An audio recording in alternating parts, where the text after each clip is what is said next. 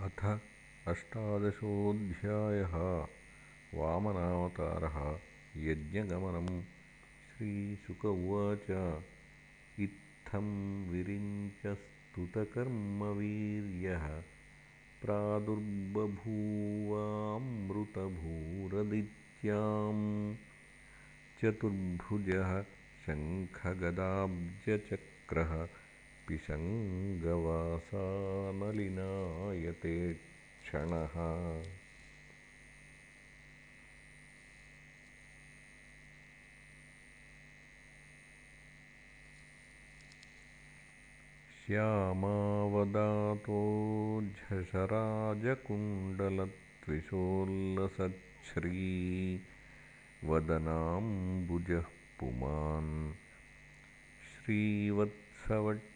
श्रीवत्सवक्षावलयाङ्गदोल्लसत्किरीटकाञ्चीगुणचारुनूपुरः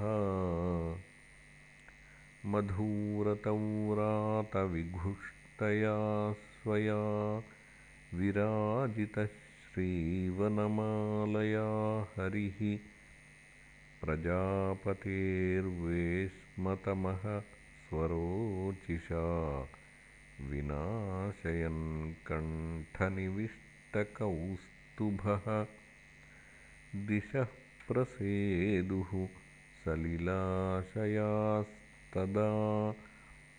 प्रजाः प्रहृष्टा ऋतवो गुणान्विताः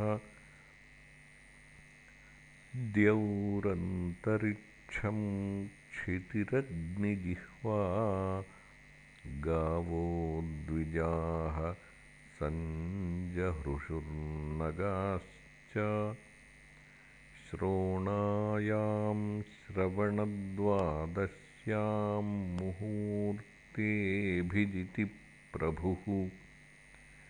सर्वे नक्षत्राद्याश्चक्रुस्तज्जन्मदक्षिणम्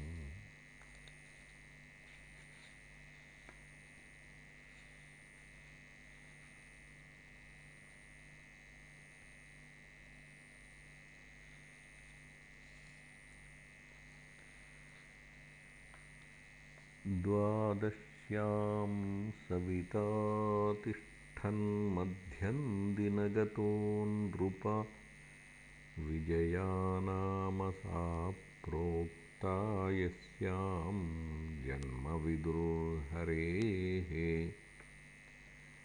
शङ्खदुन्दुभयोनेदुर्मृदङ्गपणवानकाः चित्रवादि त्रतूर्याणां निर्घोषस्तुमुलो प्रीताश्चाप्सरसो नृत्यन् गन्धर्वप्रवरा जगुः तुष्टुवुर्मुनयो देवा मनवः पितरोऽग्नयः सिद्धविद्याधरगणाः। स किं पुरुषकिन्नराः चारणायक्षरक्षांसि सुपर्णा भुजगोत्तमाः गायन्तोऽतिप्रशंसन्तो नृत्यन्तो विबुधानुगाः। अदित्या आश्रमपदं कुसुमैः समवाकिरन्। दृष्ट्वादितिस्तं निजगर्भसम्भवं परं पुमांसं मुदमापविस्मिता गृहीतदेहं निजयोगमायया प्रजापतिश्चाहजयेति विस्मितः। यत्तद्वपुर्भातिविभूषणायुधैः अव्यक्तचिद्व्यक्तमधारयद्धरिः बभूव तेनैव स वामनो वटुः सम्पश्यतोर्दिव्यगतिर्यथा नटः।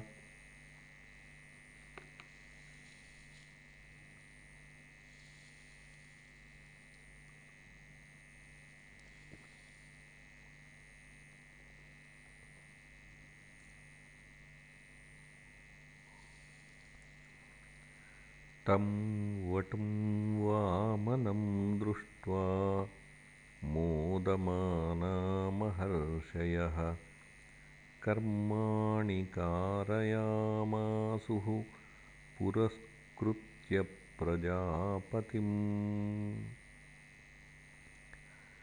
तस्योपनीयमानस्य सावित्रीं सविताब्रवीतु बृहस्पतिर्ब्रह्मसूत्रं मेखलां कश्यपो ददातु।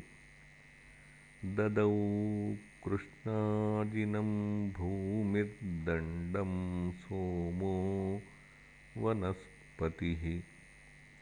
कौपीनाच्छादनं माता द्यौश्छत्रं जगतः पतेः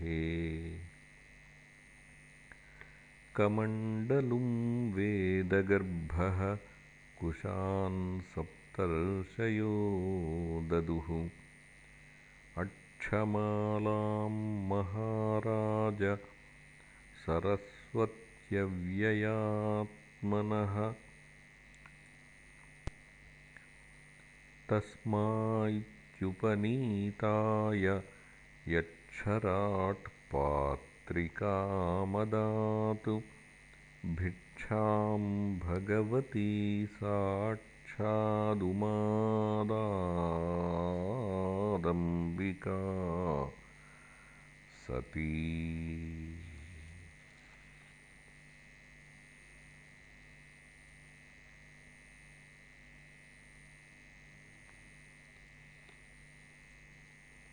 ब्रह्मवर्चसेनैवम्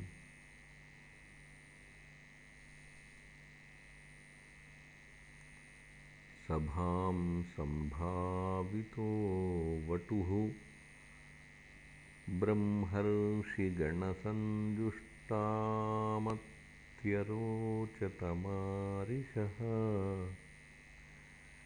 समिद्धमाहितं वह्निं कृत्वा परिसमूहनं परिस्तीर्यसमभ्यर्च्य समिद्भिरजुहोद्विभुः श्रुत्वाश्वमेधैर्यजमानमूर्जितं बलिं भृगूणामुपकल्पितैस्ततः जगामतत्राखिलसारसम्भृतो भारेण गां सन्नमयन् पदे। पदे तं नर्मदायास्तट उत्तरे बलेः ये ऋत्विजस्ते भृगुकच्छसंज्ञके प्रवर्तयन्तो भृगवः क्रतूत्तमं व्यचक्षतारादुदितं यथा रविम्।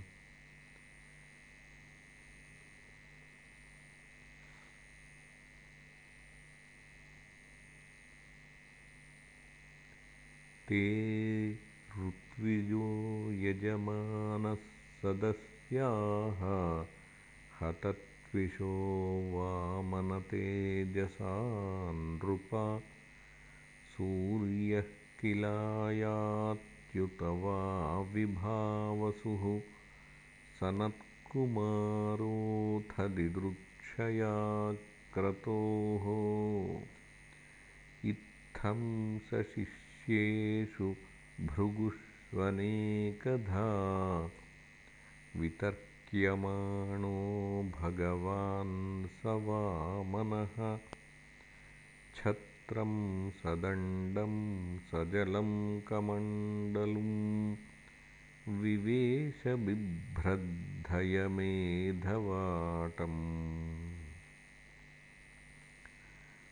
मौञ्ज्या मेखलया वीतमुपवीताजिनोत्तरम् जटिलं वामनं विप्रं मायामाणवकं हरिम् प्रविष्टं वीक्ष्य भृगवः सशिष्यास्ते सहाग्निभिः। प्रत्यगृह्णन् समुत्थाय संक्षिप्तास्तस्य तेजसा। यजमानः प्रमुदितो दर्शनीयं मनोरमम् रूपानुरूपावयवं तस्मा आसनमाहरतु। स्वागतेनाभिनन्द्याथ पादौ भगवतो बलिः। अवनिज्यार्चयामास मुक्तसङ्गमनोरमम्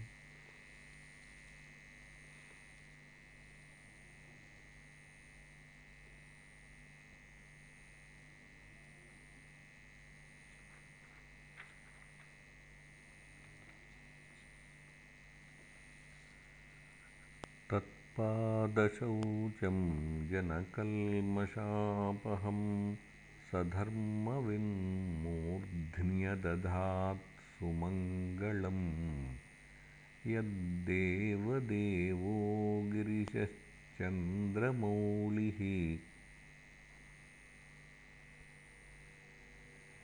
दधारमूर्ध्ना परया च भक्त्या बलिरुवाच। स्वागतं ते नमस्तुभ्यं ब्रह्मन्। किं करवाणि ते? ब्रह्मर्षीणां तपःसाक्षान्मन्ये त्वार्यवपुर्धरम् अद्य नः पितरस्तृप्ताः अद्य नः पावितं कुलम् अद्य स्विष्टः क्रतुरयं यद्भवानागतो गृहान्। अद्याग्नयो मे सुहृता यथाविधि द्विजात्मजत्वच्चरणावने जनैः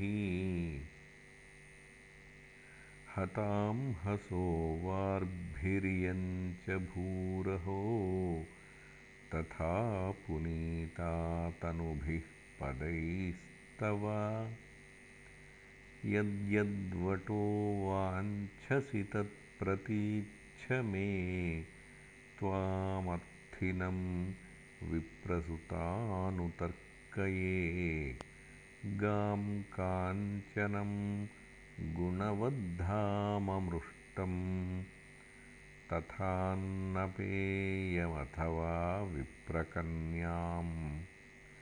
ग्रामान् समृद्धांस्तुरगान् गजान् वा रथांस्तथार्हत्तमसम्प्रतीच्छ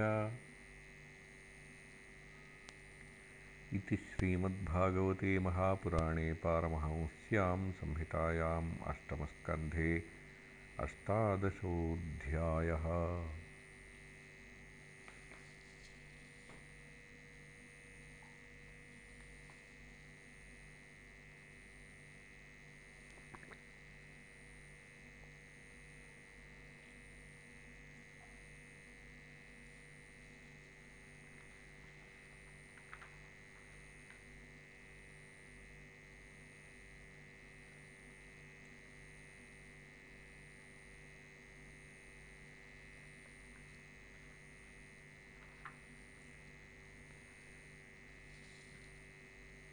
अथ एकोविंशोऽध्यायः।